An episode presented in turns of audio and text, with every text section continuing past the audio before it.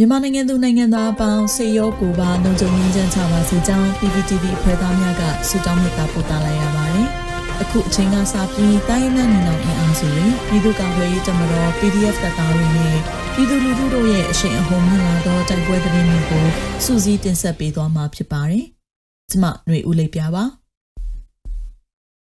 ပထမဆုံးအနေနဲ့မြောင်တွင်ယမန်နေ့ညမိုင်းဆွဲပစ်ခတ်တိုက်ခိုက်မှုကြောင့်စစ်သား10ဦးသေဆုံးတဲ့သတင်းတင်ဆက်ပါမယ်။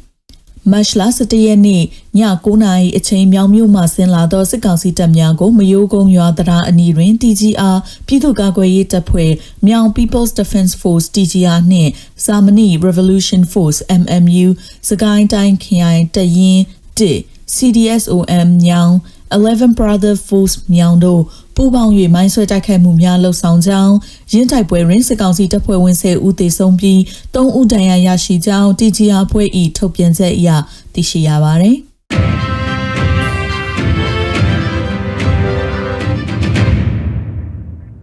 ဆက်လက်ပြီးမုံရွာအနောက်မြောက်တိုင်းစစ်ဌာနချုပ်လက်နက်တိုက်ပောက်ကွဲမိလောင်တဲ့သတင်းတင်ဆက်ပါမယ်။ စကိုင်းတိုင်းမုံရွာမြို့ပေါ်အနောက်မြောက်တိုင်းစစ်ဌာနချုပ်ရှိလက်နက်တိုက်တွင်ယနေ့နနက်ပိုင်းမီးလောင်ပေါက်ကွဲမှုဖြစ်ပွားကြောင်းဒေသခံများနှင့်ဒေသခံကာကွယ်ရေးတပ်များထံမှသိရှိရပါသည်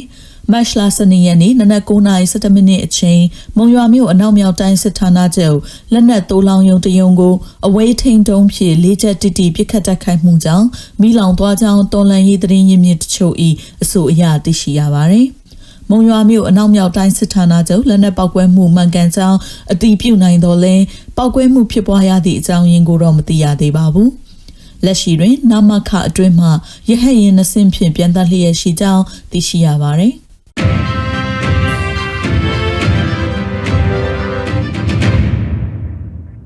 recall dal ရှိစစ်ကောင်စီစခန်းကို CNDF တိုက်ခိုက်ရာစစ်သား3ဦးသေဆုံးတဲ့တဲ့တင်ဆက်ပါမယ်။ ချင်းပြည်နယ်ဖလန်းမြို့နယ် Recordal မြို့အမတ်2ရက်ကွက် TO ချောင်းအနီးတောင်ကုန်းရှိစစ်ကောင်စီစခန်းကိုချင်းမျိုးသားကာကွယ်ရေးတပ်ဖွဲ့ CNDF ကယနေ့နနက်တွင်ဝင်ရောက်တိုက်ခိုက်ခဲ့ပြီးစစ်သား3ဦးသေဆုံးကြောင်းသိရရှိပါသည်။ မတ်လ9ရက်နေ့တွင်အဆိုပါတောင်ကုန်းစခန်းကိုချင်းပူပေါင်းတပ်ဖွဲ့များကဝင်ရောက်တိုက်ခိုက်ခဲ့ပြီးစစ်သား10ဦးသေဆုံးခဲ့ပါတယ်။ Recall down မျိုးအမတ်နှစ်ရက်ကွက်တီအိုချောင်းအနီးတောင်ကုန်းစခန်းမှ၄ဦးရဲ၄ဦးသည်ဒေသကာကွယ်ရေးတပ်ဖွဲ့ထံမတ်လ6ရက်နေ့တွင်အလင်းဝင်ခဲ့သလိုမတ်လ10ရက်နေ့တွင်အဆိုပါစခန်းမှစစ်သားတအူလက်နက်ကြီးစမ်းများနှင့်အတူအလင်းဝင်လာခဲ့ကြောင်းလည်းဒေသသတင်းရင်းမြစ်များထပ်မံသိရှိရပါသည်။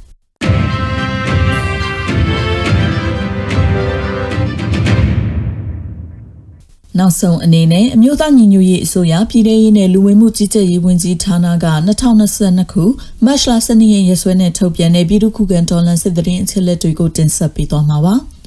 အာနာသိန်းအကြံဖက်စစ်အုပ်စု၏ပြည်သူလူထုအပေါ်အကြံဖက်ဖိနှိပ်ဖန်ဆီးတိုက်ခိုက်တပ်ဖြတ်နေမှုများကိုပြည်သူလူထုတရက်လုံးကအသက်ရှင်သန်ရေးအတွက်မိမိကိုယ်ကိုမိမိခုခံကာကွယ်ပိုင်ခွင့်အရာပြည်သူ့ခန့်စစ် People's Defensive War ကိုဆင်နွှဲလျက်ရှိပါတယ်။တရင်ချက်လက်များအရာ 17ရက်3လ2022ရက်နေ့တွင်စစ်ကောင်စီတပ်ဖွဲ့ဝင်69ဦးသေဆုံးပြီးထိခိုက်ဒဏ်ရာရရှိသူ12ဦးအထိခုခံတိုက်ခိုက်နိုင်ခဲ့ပါတယ်။စစ်အာဏာရှင်စနစ်မြမမြေပေါ်မှအပြည့်တိုင်ချုပ်ငြိမ်းရေးနဲ့ Federal Democracy တည်ဆောက်ရေးအတွက်ငြိမ်းချမ်းစွာဆန္ဒပြသည့်လူထုတပိတ်တိုက်ပွဲများကပြည်내နဲ့တိုင်းဒေသကြီးများမှာဖြစ်ပွားပေါ်ပေါက်လျက်ရှိပါတယ်။မြေပြင်မှာယခုတွေ့ရတဲ့သတင်းချက်လက်များထက်ပို၍ဖြစ်ပွားနိုင်ပါတယ်ရှင်။